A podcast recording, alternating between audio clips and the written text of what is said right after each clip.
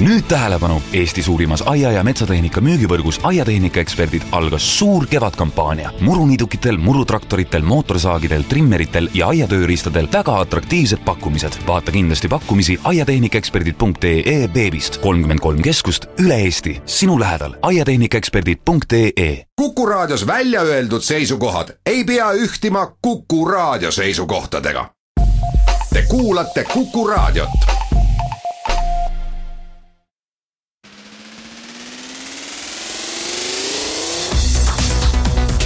Muuli ja Samost. muuli ja Samost. tere, head emadepäeva kõigile, alustame saadet Muuli ja Samost, stuudios on Anvar Samost ja Kalle Muuli.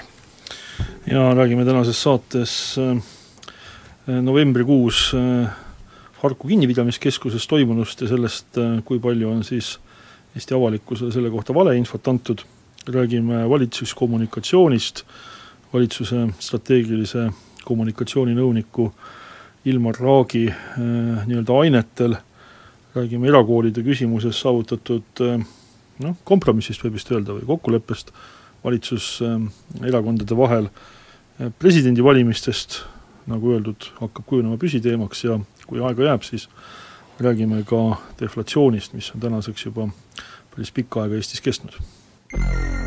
muuli ja Samost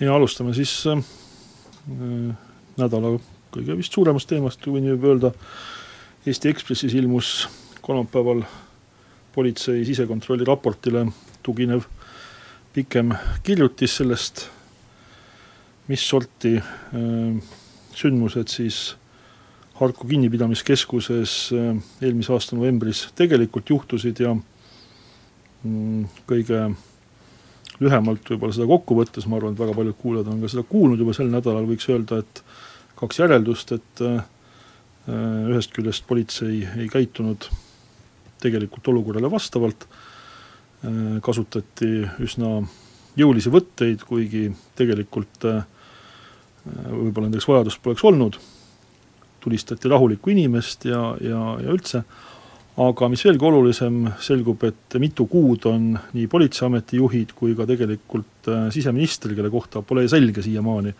kas ta tegelikult omas toimunust objektiivset ülevaadet või mitte, on avalikkusele valetanud, mingit mässu selles nagu sõna tähenduses, nagu me seda kõik olete, mõistame, sellist vägivaldset vastuhakku seal kinnipidamiskeskuses möödunud aasta sügisel aset ei leidnud. noh, nüüd on see äh, sõnade tõlgendamine ja kes mis sõna ütles, et äh, kes kasutas sõna mäss ja kes kasutas sõna vastuhakk, minu meelest oli seal selgelt tegemist vastuhakuga, ei täidetud korraldusi, äh, tõsi, vastuhakkajad ei rünnanud füüsiliselt äh, vist kedagi. kindlasti mitte, see on videosalvestustelt tuvastatud. mitme tunni jooksul nad keeldusid täitmast kinnipidamisasutuse töötajate ja politseinike korraldusi, et mu meelest äh, kui politseinikud oleks nii käitunud äh, täiesti tavalise äh, tänaval oleva rahvamassiga, kes võib-olla oleks äh, mingitele korraldustele jätnud allumata, et siis ma saan aru, et see oleks, oleks ilmselgelt olnud võimuliialdus, aga me peame arvestama seda, et tegemist oli kinnipidamisasutusega esiteks. teiseks, et seal ei olnud lihtsalt suvalised kodanikud tänavalt ja üldse ei olnud tegemist ei Eesti elanike ega Eesti kodanikega, vaid tegemist oli äh, seaduserikkujatega, ebaseaduslike piiriületajatega, kes on, kes on meie riigi seadusi rikkunud ja, ja ja sugugi mitte hea, heal tahtel siia või heade kavatsustega meie riiki tulnud. et nad on teadlikult meie seaduste vastu läinud ja sellepärast neid seal kinni hoitaksegi. ja kui sellised inimesed, kes juba korra on meie seadusi rikkunud, äh, uuesti keelduvad kinnipidamisasutuses korraldustele allumast siis minu meelest äh, politsei peabki korra majja lööma ja, ja tagama, et kinnipidamisasutuses vastuvaidlematult täidetakse neid korraldusi, mis kinnipidamisasutuse töötajad täiesti oma tööülesannete ja seaduste piires annavad. Need ei olnud ebaseaduslikud korraldused, mis äh, kinnipidamisasutuse töötajad andsid. ja kui inimesed ei allu äh, ja, ja nad on korra juba seadust Nad allusid? Nad allusid pärast kahte või kolme tundi kaks või kolm tundi nad keeldusid allumast, et selleks et... hetkeks, kui saabus eriüksus, kes asus neid äh, kummikuulidega rahustama, olid nad kõik sealt koridorist lahkunud ja oma tuppa läinud. jah, ja, ja, ja tulemus oli see, et, et paar inimesi sai, paar inimest sai marrastusi viis inimest. viis inimest sai marrastusi ja see on nüüd kohutav traagika, mille pärast me peaksime siin rääkima mingist suurest sündmusest, muide, tol ajal, kui see äh, nii-öelda vastuakk või mäss või ma ei tea, mis iganes, kes, ma arvan, et see mäss on ka ajakirjanduse poolt pandud äh, nimi sellele sündmusele, aga ei, seda kasutasid tollal politseinikud. et äh, seda sõna kasutasid tollal politseiametnikud. sel ajal, kui see toimus, meie vähemalt sinuga pidasime seda nii tähtsusetuks sündmuseks, et me isegi ei rääkinud raadiost sellest mitte sõnagi. ma olen tagantjärgi väga õnnelik selle üle, et me ei rääkinud sellest sõnagi, äh, kuna võimalik, et ma oleks esinenud umbes samasuguste seisukohtadega, nagu sina praegu esitad, kuna avalikkusele oli antud valeinfot, oli valetatud ja mul oleks praegu nagu piinavalt häbi selle pärast, et ma oleksin seda valet siis nagu tolle raadios üle korranud, et ma nüüd saan aru, et ma olen ka kuulanud nüüd mitmet, mitut nagu erinevat äh, käsitlust äh, ajakirjanike, ajakirjanike poolt ja, ja ka politseijuhtide ja poliitikute poolt selle nädala jooksul.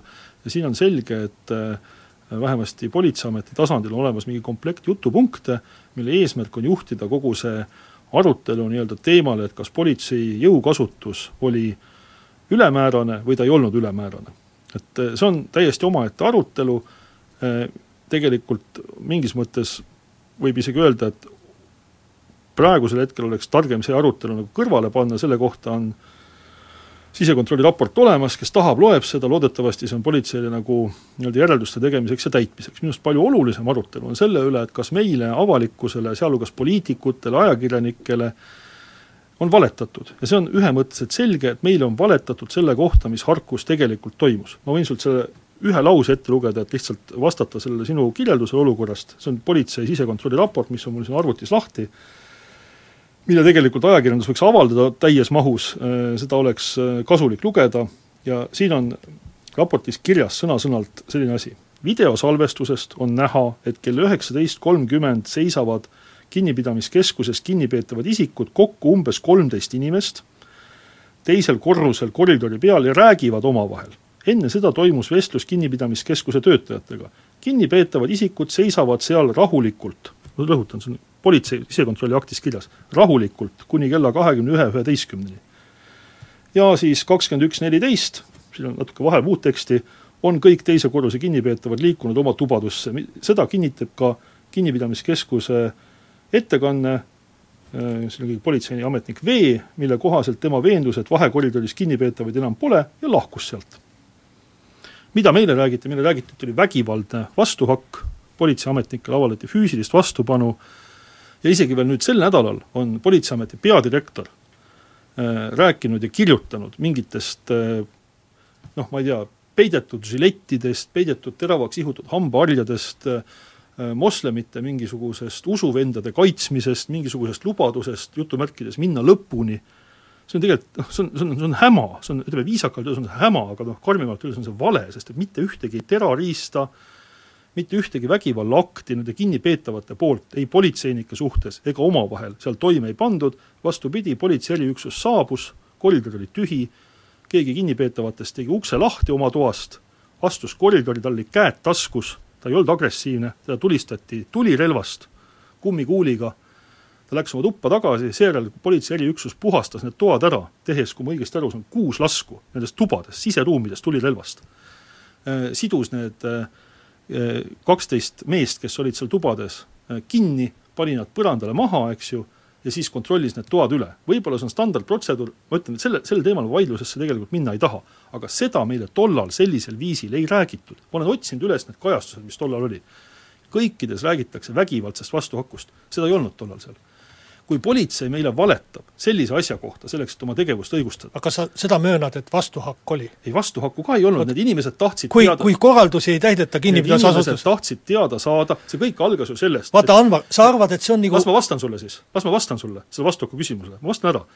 Need inimesed kogunesid koridori peale sellepärast, et üks nende seast, mingisugune Kongo mis iganes tegelane, oli saanud teate selle kohta, et tema kinnipidamist pikendatakse ja ta keeldus seda teadet vastu võtmast verbaalselt, ta ei hakanud füüsiliselt vastu, nagu ma siit politsei raportist aru saan. ja selle peale pandi ta sisuliselt kartsa, ta pandi üksikvangistusse, ja ka siis ei hakanud ta vastu. ja siis need tema nii-öelda seal kinnipidamiskeskuses tekkinud kaaslased, noh, lihtsalt ei saanud aru, miks keegi viidi minema selle eest, et ta ei võta mingit kirja vastu ja pandi üksikvangistusse. Alvar, aga kas ja nad, ma, ma saan aru, et nad tegelikult tahtsid aru saada, mis toimub, miks niimoodi tehakse, ja nad protestisid selle vastu. seda võib protestiks nimetada, aga vastuhakk on oma olemuselt eesti keeles, võta seletav sõnaraamat ja vaata järgi, mida see tähendab, rääkimata sõnast mäss.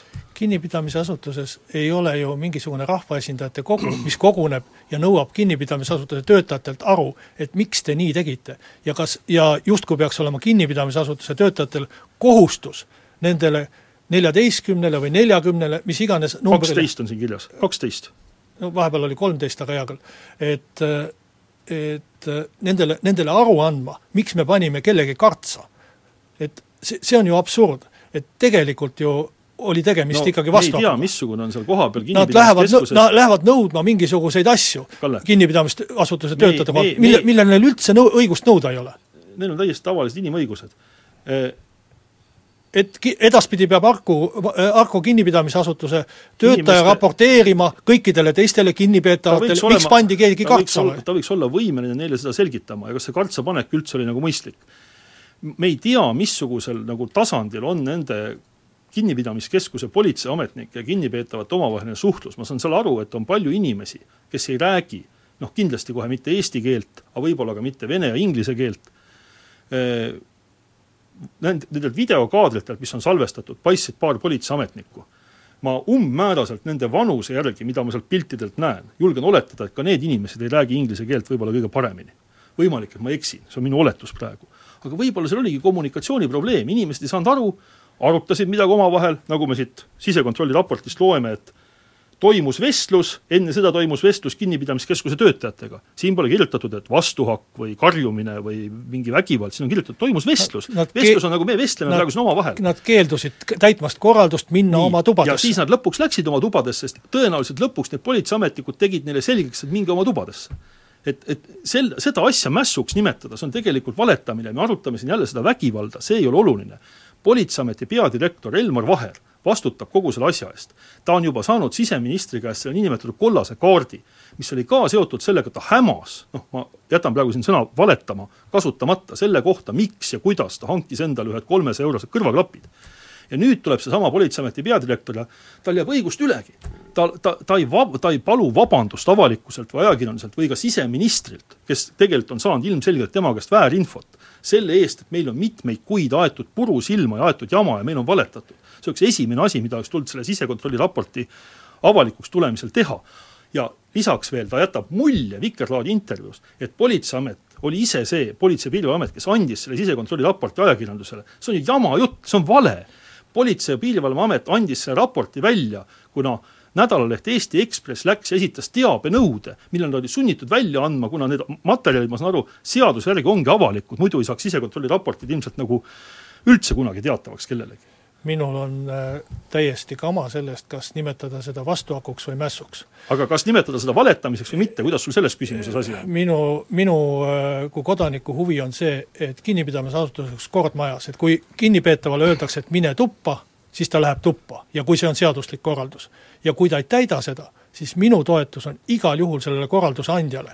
ja kui kaks tundi ei täideta, siis ma arvan, et on täiesti õigustatud kutsuda kohale eriüksus, võib-olla see eriüksus tõesti jõudis kohale selleks hetkeks, kui see mitte võib-olla, vaid see on politsei enda sisekontrolli raportis kirjas, ta jõudis kohale hetkeks, kui kõik inimesed ja. olid korralduse täitnud. ja nad otsisid toad läbi, et leida mitte midagi ei leidnud. leida sealt mingeid mitte relvi. midagi ei leitud. ja, ja see on normaalne, et pärast sellist kas, kas on normaalne, et läbiotsimise käigus tulistatakse inimesi siseruumidest tulirelvast? Kui keegi kas see on normaalne? kui keegi on mingi rikkumise teinud, siis see, selleks kindlasti ei andnud vahekorraldust. see on, see on nagu nüüd vaidlus selle üle, kas oli ülemäärane jõukasutus või mitte, mina ei taha sel teemal vaielda, ma küsin su käest mille, mis teemal sa tahad vaielda? valetamise teemal. kas, kas et, sul, sinu meelest on okei okay,, sa oled ka Riigikogu liige sina muideks. tahad, sina tahad ütelda seda, et jõle, politsei ei tohi valetada, tahame öelda. jõle vahva on, kui viisteist, viisteist kinnipeetavat ära pane mulle sõnu suhu, on, on koridoris ja küsivad, miks üks kartsal viidi. see on, ma arvan, et see on nende selle, selle peale tuleks kõik ülejäänud ka kartsa viia no nendest osa pärast viidigi kartsa. väga õigesti tehti. aga ma nüüd küsin sinu käest üle, sa kahju ainult, et osa tehti. sina oled Riigikogu liige, vasta mulle palun, kas Politseiamet on siinkohal valetanud, avalikkust eksitanud? Mina ei oska seda hinnata. no kuidas sa ei oska hinnata, nad on rääkinud mässust ja vastuakust, vägivaldsest vastuakust, politseiameti sisekontrolli raport ütleb, et mingit vägivalda ei olnud. kas on valetamine või ei ole valetamine? seda tegid kaks esimest infoandjat inimest, kes nimetasid seda vägivaldseks. selliste sündmuste kõik ülejäänud tegid täpselt sedasama? lähtudes nende infost, kes seal kohapeal oli. no siis oli vale. sa ju saad aru, et kas oli vale või ei olnud vale? et siseminister ei olnud seal kohapeal. jah, ma saan aru, järelikult siseministril on valetatud, kas see on okei okay?? Seda peab siseminister ütlema, kas talle on valetatud. siseministril on tõenäoliselt omad põhjused, miks ta seda ei ütle ja ma isegi ausalt öeldes ei saa aru, mis need põhjused täpselt on, aga fakt on see, et kui me loeme seda raportit ja me loeme neid tolleaegseid politseiametnike ja ka siseministri avaldusi, siis Politseiamet on avalikkusele andnud väärinfot ehk eesti keeles öeldes valetanud. ka sisekontrolli raport ütleb sõna otseses mõttes mustvalgel, et politseiametnikud on valetanud et mul on väga raske seda hinnata, sest minul ei ole, kui Riigikogu liikmele, sa küsid minu käest kui Riigikogu liikmele. ma küsin su käest kui ajakirjanik Kalle Puuli käest. minu, minule kui Riigikogu liikmele ei ole selles küsimuses mingit okay. eraldi infot ma küsin sinu käest, kodanik, valija, ajakirjanik Kalle Muuli käest, kas sinule tundub, et sul on tõtt räägitud selle kohta, mis seal toimub, toimus? mina ei leia midagi sellist, mille peale ma peaksin kodanikuna tige või pahane olema. kui Andor, kui, kui, kui aetakse segamini neliteist või nelikümmend, siis see on vale. vana kogema, kogenud ajakirjanikuna ma saan aru, millest selline äh, ei, ei, politseiametnik val... ütleb ju nelikümmend inimest seisis koridori peal ja käitus agressiivselt, pärast tuleb välja, et oli kolmteist inimest. jaa, aga ma räägin, kuidas see, kuidas see tekib. selle sündmuse käigus inimene näeb inimhulka, hindab seda neljakümneks, pärast tuleb Anvar, pärast tuleb politsei sisekontroll, võtab video, loeb sealt Kalle, üle ja see, saab, saab kolmteist. loomulikult, kui sa kolm tundi hiljem või kolm tundi loed neid inimesi seal üle ja teine asi, kui sa hindad seda kokkupõrke hetkel, mingit inimsumma. see politseiametnik, kes nimetas numbri nelikümmend, see oli kinnipidamiskeskuse juhataja Pärtel Breinvalts, kes teab täpselt isikute kaupa, kes tal seal koridori peal on tema teab, et seal on kolmteist inimest, kes oma tubades seal teisel korrusel elavad. ta teab kindlasti, et seal ei saagi olla neljakümmet inimest. see oli lihtsalt labane vale no olgu ta siis vale, no mis me teeme nüüd selle kinnipidamis- politseiamet ei tohi avalikkusele valetada. oota, see oli Täna kinnipidamisasutuse juhataja? jaa, see oli politseiametnik. täna valetatakse meil ühe asja kohta, homme valetatakse teise asja kohta, ülehomme kolmanda asja kohta, valetatakse poliitikutele, valit-, valetatakse siseministrile, kuhu me jõuame niimoodi? aga ei no kuhu me jõuame, no kus, kus me jõuame, me jõuame selleni, et, et pärast tulevad need kinnipeetavad ja seisavad meil seal koridoris ja politseinikud ei julge ükski ei kumminuia võtta Ma..., ei, ei püssi võtta e, ega üldse midagi teha sellele, ega siseneda ja las seisavad ja, okay. ja las märatsevad. või, või ma siis vastan sinu selle, sellele küsimusele, kuna sinu, sina valetamise küsimusele ei vasta. kui ne-, kui ütleme, ma täpselt ei saa aru, mitu politseiametnikku seal oli, mingitel andmetel oli seal neli politseiametnikku seal koridoris ja kolmteist kinnipeetavat, kes seisid rahulikult ja vestlesid nendega. kui Eesti Vabariigi politseinikud, mitu meest, kes on saanud eriväljaõppe, ei saa hakkama kinnises ruumis kolmeteistkümne mingisuguse lõngusega, siis politseiameti peadirektoril ei maksa tulla ja kirjutada Delfisse haledat juttu selle kohta, kui õudne situatsioon see oli. see on tegelikult tõend selle kohta, et need ametnikud ei sobi sinna kinnipidamiskeskusesse. Nad said tegelikult hakkama, aga kulus, kulus aega. millegipärast oli vaja need inimesed kõik veel nagu välja võtta oma tubadest, läbi peksta, kõhuli panna teha jõudemonstratsiooni. et äh, kulus, kulus natukene aega, paar-kolm tundi et, äh, et niikaua, kui nad hakkama said. aga ma väidan seda, et kui, kui lähtuda sellest, et äh, et sa oled seadust rikkunud ja siis võid veel seadust rikkuda ja vastu hakata. kes see seal seadust rikkus? kõik nad olid ebas-, kõik, kõik nad on ebaseaduslikud piiriületajad. koridoris seismine ei ole Eesti Vabariigis keelatud. kõik nad olid ebaseaduslikud piiriületajad kes olid pandud selle eest kinnipidamisasutusse. mis on veel eriti naeruväärne, need sinu poolt nimetatud seaduserikkujad, kes on seadust rikkunud ja kes on ebaselgus piiri ületanud, kui nad on kaheksateist kuud seal Harkus vastu pidanud, siis nad lastakse sealt lihtsalt välja nelja tuule poole. sest nad on oma ära siis ei huvita ühtegi politseiametnikku ega üldse mitte kedagi, mida nad teevad, siis nende ohtlikkus ühiskonnale äkitselt nagu täiesti kadunud. huvitab küll, ära, ära nüüd sina hakka no valetama. kuidas ta huvitab, kui nad kõnnivad vabalt ringi? igal hommikul käivad ennast registreerimas. aga kui ei tule registreerima, mis siis saab? siis hakatakse otsima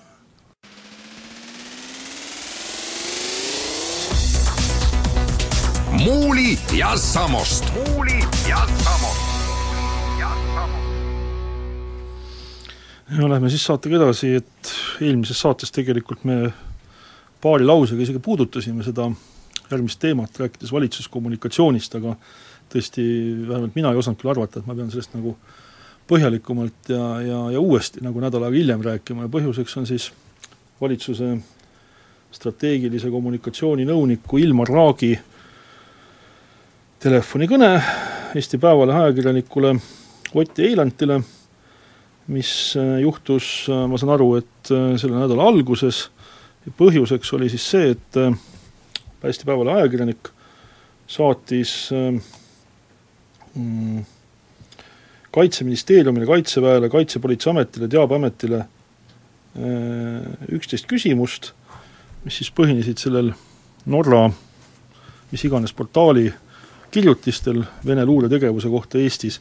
Need küsimused, võib-olla kõiki neid ei ole siin mõtet ette lugeda, aga minu meelest äh, oma valdavas enamuses või võiks ka öelda, kõik olid tegelikult täiesti põhjendatud küsimused, mis igal ajakirjanikul loogilisel viisil peaksid tekkima ja mida ajakirjanik peaks Eestis ametnikele ja poliitikutele esi-, esitama pärast seda, kui äh, Vene luuretegevuse kohta on esitatud noh, kaunikesti äh, kas siis ühelt poolt vaadates uskumatuid või teiselt poolt äh, hirmutavaid nagu väiteid, noh muuhulgas küsis siis äh, Päevalehe ajakirjanik seda, et äh, kas Kaitsevägi või Eesti NATO liitlased tulistasid eelmisel aastal õppuste ajal õppuste piirkonnas väidetavalt lennanud droone, kas Kaitseväel on olemas korraldus tundmatud droonid, mis ilmuvad näiteks Ämari kohale, alla tulistada, kas Ämari või äh, Pärnu kohal möödunud aasta õppuste ajal droonidega seotud vahejuhtumid on riigisaladuse alla pandud,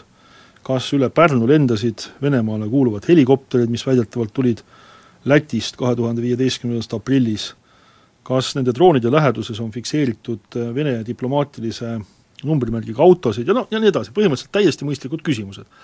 aga äh, mis juhtus edasi, see on juba täiesti mõistetamatu, oota, üks küsimus oli veel umbes selline, et kas Eestis on Vene luurajaid ja kas Vene luurajatel on autosid? küsimust siin ei ole, kui see puudutab autosid, siis vastab küsimus järgmine, kas Venemaa eriteenistustel on Eestis sõidukeid või on nendega teenistuses kolmandate isikute kaudu, mis koguvad mis tahes viisil luureinfot Venemaa jaoks ja. nii, kas, okei okay., aga ühesõnaga juhtus see, et pärast nende küsimuste ärasaatmist vähem kui tunni aja jooksul helistas siis ajakirjanikule hoopis Ilmar Raag Riigikantseleist, nagu ta ennast ise tutvustas, ja esitas küsimuse, kas te ikka ise ka saate aru, mida te küsite?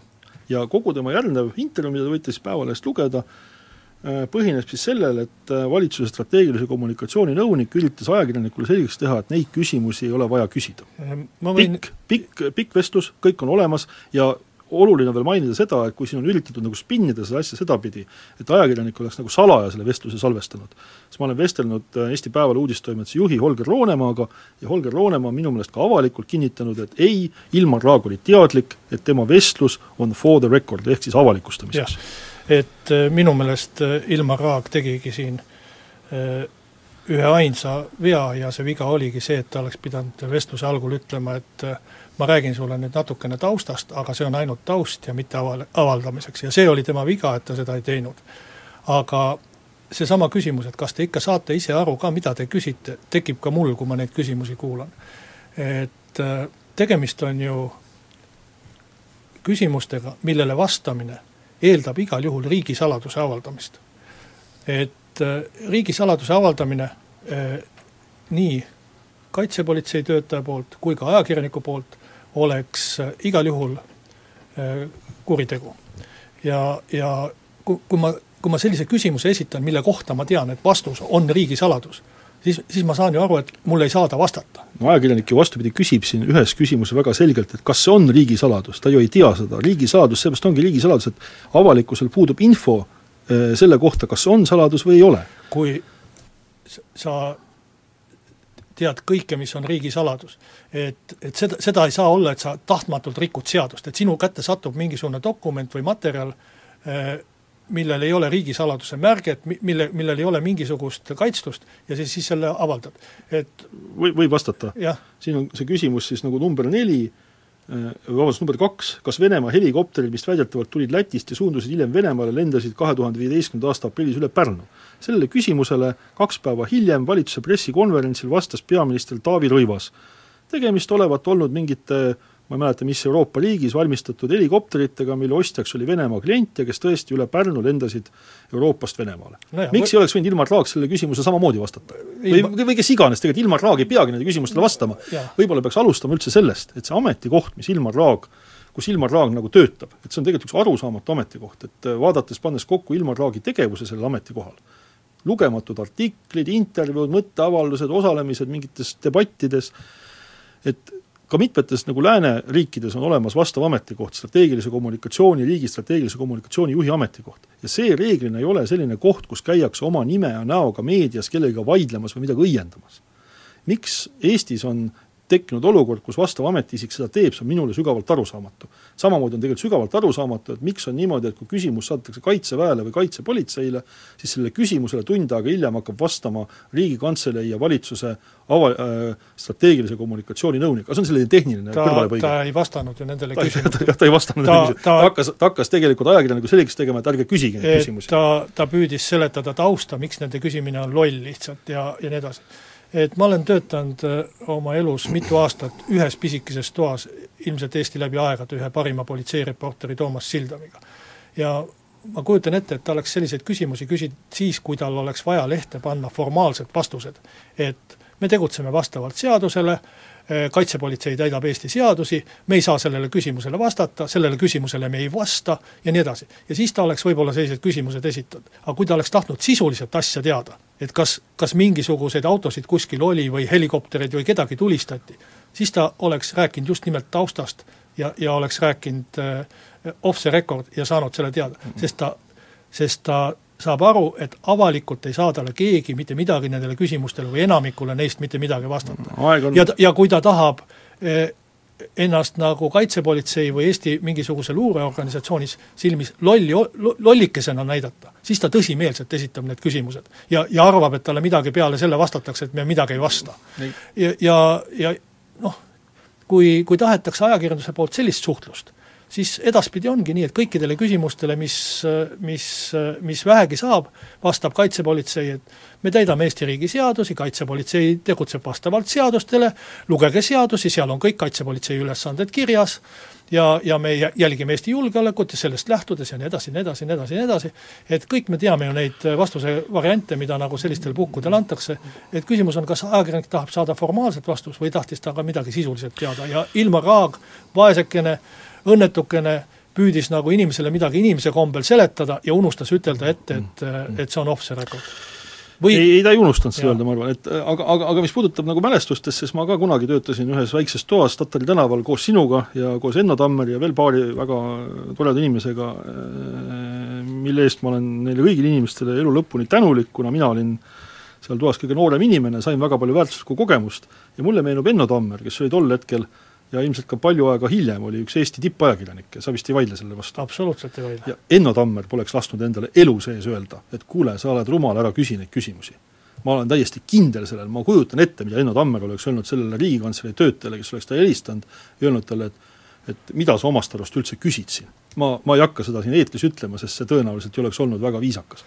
aga, aga ausalt öeldes ka mina, noh, lähme veel natuke ajas tagasi, et meenutaksin siin veel ühte asja et see võis olla aasta tuhat üheksasada üheksakümmend näiteks või tuhat üheksasada üheksakümmend üks, täpse vastuse jään võlgu, mina töötasin Äripäevas tollal.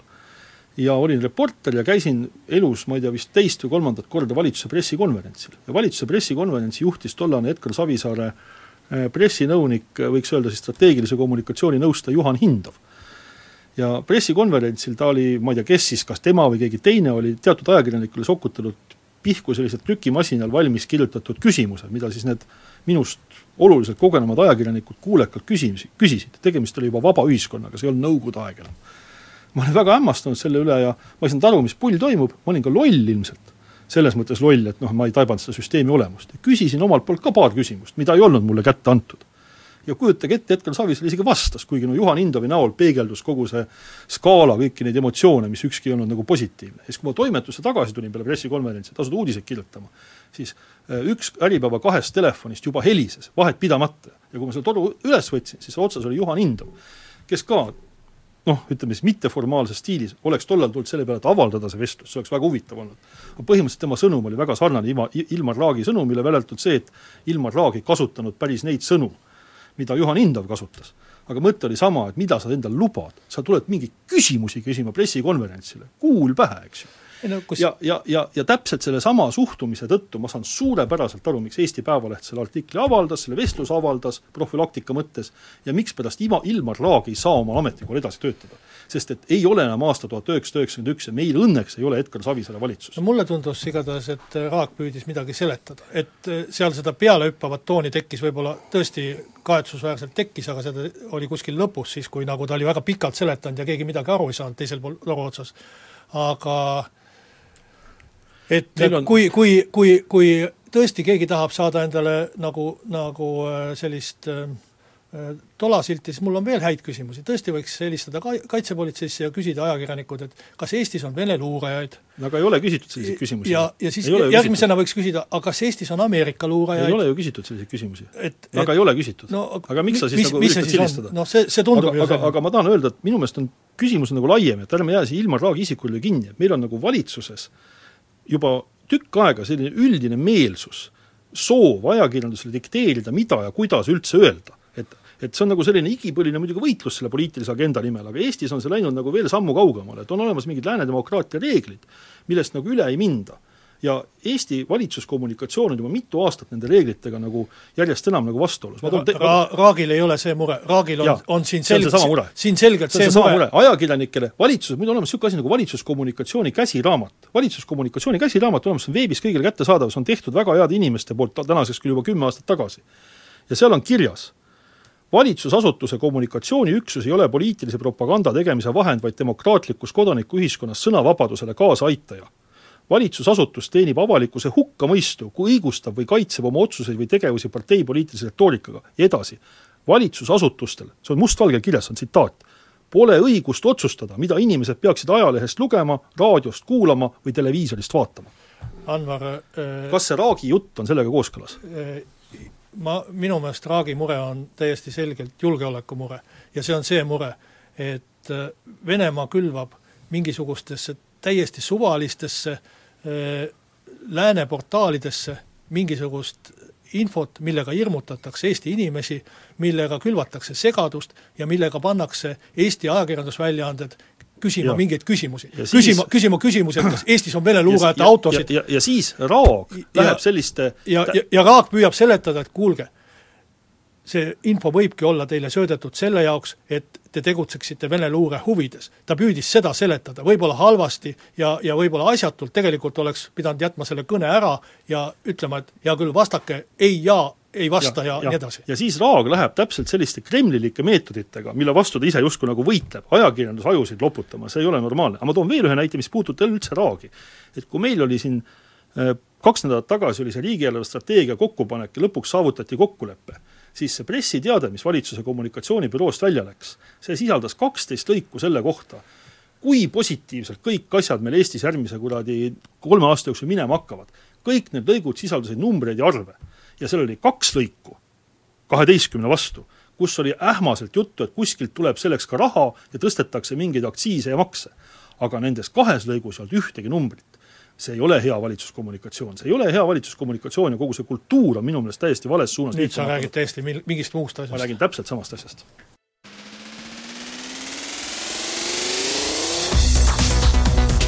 muuli ja Samost. muuli ja Samost. no aega läks ja aga asja sai, nii et lõpuks on siis ka erakoolide pikas vaidluses, rahastamisvaidluses valitsuses kokkulepe olemas, eelnõu on Riigikogu menetluses juba eelmise aasta novembrist saadik, detsembris äh, oli esimene lugemine eelnõul ja siiamaani siis ta on seisnud äh, parandusettepanekute taga, mis Isamaa Res Publica Liit äh, esitas, haridusminister on taotlenud siiamaani esimesest jaanuarist kaks tuhat seitseteist erakoolidele riigikassast tegevustoetuse maksmise lõpetamist Isamaa Res Publica Liit on selle vastu olnud ja olnud eh, toetanud seisukohta, et eh, neid tegevuskulusid tuleb ka edaspidi hüvitada ja nüüd siis kompromiss on see, et veidi väiksemas mahus kui seni jätkatakse nende tegevuskulude hüvitamist siis veel lisaks praegusele aastale kolm aastat, ehk siis kaks tuhat seitseteist, kaks tuhat kaheksateist ja kaks tuhat üheksateist äh, makstakse neid edasi kõikidele erakoolidele siis seitsekümmend viis protsenti kohaliku omavalitsuse keskmisest ja noh, eks see vabandust, mida see ma tõesti, siiras küsimus et seitsekümmend viis protsenti erakooli asukoha tavakoolide keskmisest tegevuskulust, aga mitte rohkem kui kaheksakümmend seitse eurot õpilase kohta kuus. Mida see siis nagu reaalselt tähendab, et see reaalselt tähendab seda, et siiamaani maksti kaheksakümmend seitse eurot ehk üleriigilist keskmist. Oh.. aga trikk on selles, et enamik erakoole asub Tartus, Tallinnas ja veel mõnes äh, suurtes linnades, kus tegelik tegevuskulu on hulga väiksem Madalam. kui üleriigiline, et selle üleriigilise kergitavad kõrgeks väikestes maakohtades Ehk olevad koolid. sisuliselt nüüd Tallinnas ja Tartus asuvate erakoolide tegevuskulude toetus tegelikult järsult väheneb? jah, äh, aga äh, ka Tartu ja Tallinna munitsipaalkoolid on saanud tugevalt väiksemat era-, tegevuskulude toetust kui, kui, kui see kaheksakümmend seitse, mida maksti erakoolidele, mis selle tõttu haridusminister on palju rõhutanud, et riik maksab rohkem erakoolidele, et see on, see on nagu õige olnud. et kui sul Tartus linn ise maksab munitsipaalkoolidele näiteks mingi viiskümmend kuus eurot või viiskümmend üheksa eurot, ma päris peast seda summat äh, ühe euro täpsusega ei tea, et siis samas maksta erakoolile nagu hulga rohkem, et see äh, minu meelest ei olnud ka siiamaani õiglane ja hea, et see oli selle eelmise seaduse viga. et, et nüüd on seda tagasi tõmmatud. aga aga iseenesest eh, noh, alati oleks tahtnud paremini, alati, alati oleks tahtnud rohkem. et eh, küllap oleks tahtnud seda üleminekuaega pikemaks ja küllap oleks ka seda summat tahtnud natukene võib-olla suuremaks saada, et päris oleks kohaliku omavalitsuse keskmisega võrdne.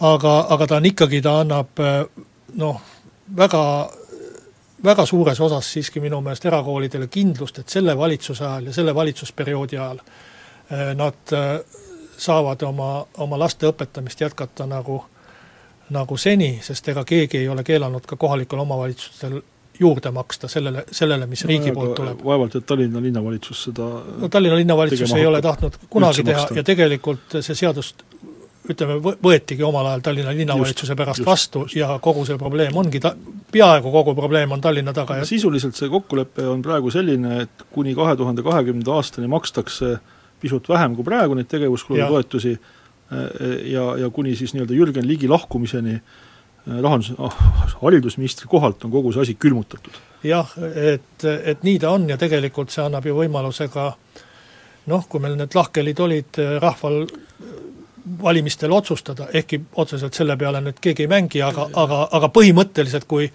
kui, kui tahta, siis võib ka mandaadi küsida rahvalt, et aega meil selleks on ja, ja, ja vaata, aga, aga minu jaoks on tähtis see, et kui nüüd tegevuskulude toetus erakoolidel ära kaoks, siis see auk tuleb millestki täita. Ja see oleks tähendanud seda, et esimesest jaanuarist kaks tuhat seitseteist oleks nendes koolides, kus tegevuskulutoetust enam maksumaksja taskust, kas siis KOV-ilt või riigilt ei tule, oleks tulnud tõsta õppemaksu kaheksakümmend seitse eurot et arvestades praeguste õppemaksudega, mis ikkagi pa-, väga paljudes koolides jäävad vahemikku seal viiskümmend kuni sada eurot, panna otsa kaheksakümmend seitse eurot, et rikastel on sellest täitsa ükskõik, kas see kaheksakümmend seitse eurot on ees või taga.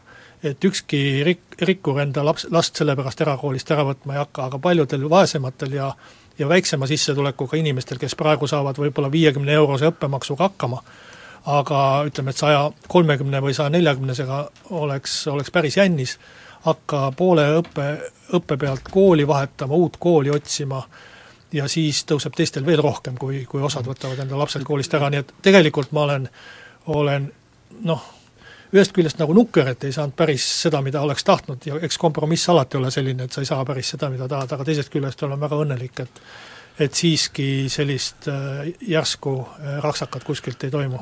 kas ma võin selle teema kokku võtta, see kõlab nii hästi, ma tahan seda öelda lihtsalt, et Jürgen Ligi kiuslik kinnisidee ei leidnud toetust ja Jürgen Ligi ei saanud oma tahtmist. no need epiteedid on sinu poolt, aga selle viimased aga see vastab tõele? Jürgen Ligi ei saanud oma tahtmist, see on, see on tõsi. muuli ja Samost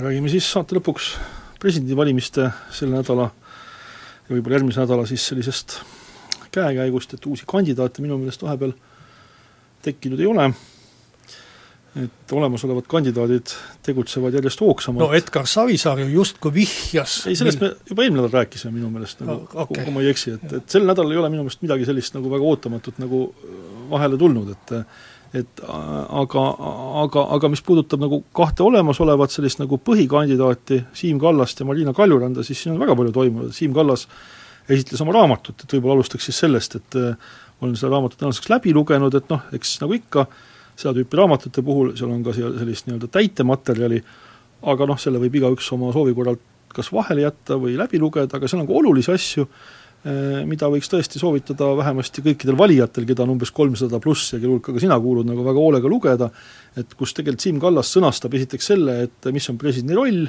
mida tema presidendina teeks, ja on siis ka kohti, kus ta räägib sellest, et mis üldse on Eesti ees seisvad sellised suured märgilised väljakutsed, kui väga nii klišeelikult väljendada, aga mis tegelikult kajastavad tema isiksust ja tema mõttemaailma, ja siis äh, tegelikult kolmas oluline osa on see, kus ta kirjeldab oma erakonda.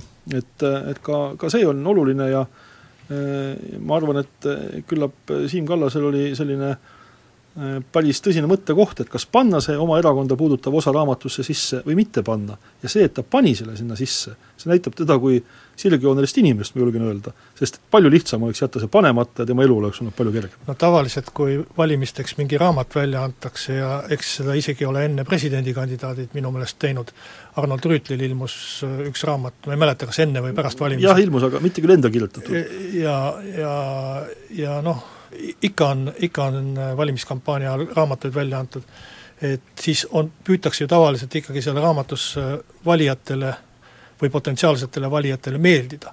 kui ma Siim Kallase raamatut loen, eriti seda osa, mis äh, kirjeldab tema vastuolusid Reformierakonnaga kaks tuhat neliteist kevadel, et siis äh, ma küll ei saa aru, kuidas see raamat peaks aitama tal äh, presidendiks saada või õigemini on tükk tegu, et isegi presidendikandidaadi kandi-, kandidaadiks saada, et noh, võib-olla teistele erakondadele äkki meeldib selline nii-öelda erakondade ülene või, või oma erakonna suhtes suhteliselt kriitiline eh, hoiak ja ehk on siis lootust, et, et noh, mingid teised erakonnad võtavad, võtavad sealt kinni ja ütlevad, et näed, selline sirgjooneline ja sirge seljaga mees, kes suudab ka oma koduerakonnale ütelda avalikult, mida ta asjadest arvab.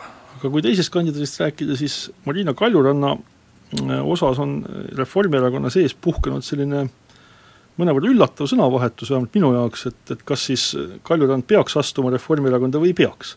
et äh, mina käisin nüüdseks vist juba kolm nädalat tagasi sellel Vabaerakonna korraldatud Kaljuranda kuulamisel, kus Kaljurand esimest korda ütles, et jah, ta kandideerib, ja seal küsiti ka seda Reformierakonnaga liitumise küsimust, sest et äh, noh, tegelikult ju juba aasta enam-vähem on mööda sellest, natuke vähem, aga okei okay., ütleme, et päris pikka aega mööda sellest, peaaegu aasta mööda sellest, kui Kaljurand välisministriks sai ja siis ta ju tegelikult Äh, lubas kaaluda äh, Reformierakonnaga liitumist äh, ja siis sellel kolme nädala tagusel üritusel ta ütles, et ma pole veel otsusele jõudnud.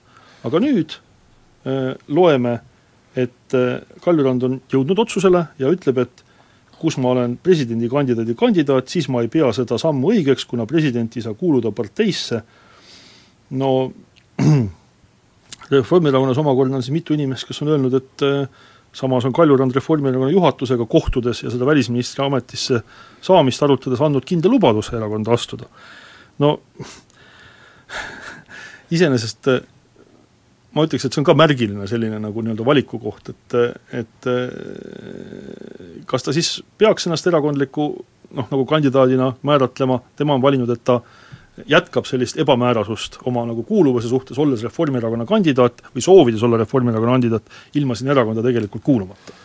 et ega siis Reformierakonna presidenti kandidaat ei pea Reformierakonda kuuluma ja, ja ennegi on olnud ref-, Reformil selliseid kandidaate, kes ei ole kuulunud mm. samas on nad kuulunud mõnda teise erakonda. erakonda, et minu meelest hoopis problemaatilisem on see, et valitsuse liige ei kuulu ühtegi valitsuserakonda ja seda, sellega võis leppida siis, kui ta määrati ja see ei olnud nüüd aasta tagasi, see oli pigem, pigem üks seitse-kaheksa kuud tagasi vast.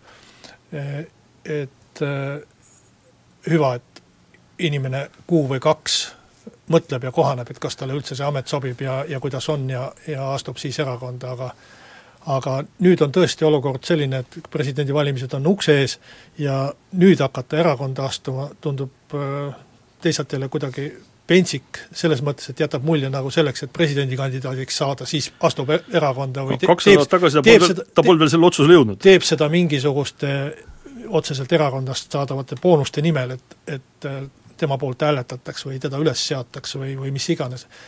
et äh, kui ta juba nii kaua on suutnud ilma erakonnata olla, et las ta olla edasi. ja eks Reformierakond siis peab hindama jälle seda, et kuidas Marina Kaljurand ja juhatus, kuidas Marina Kaljurand on siis juhatusele antud lubadusi või sõnu pidanud. selliseks, sellega tänaseks ka lõpetame, Anvar Samost ja Kalle Muuli nädala pärast taas Kuku raadio eetris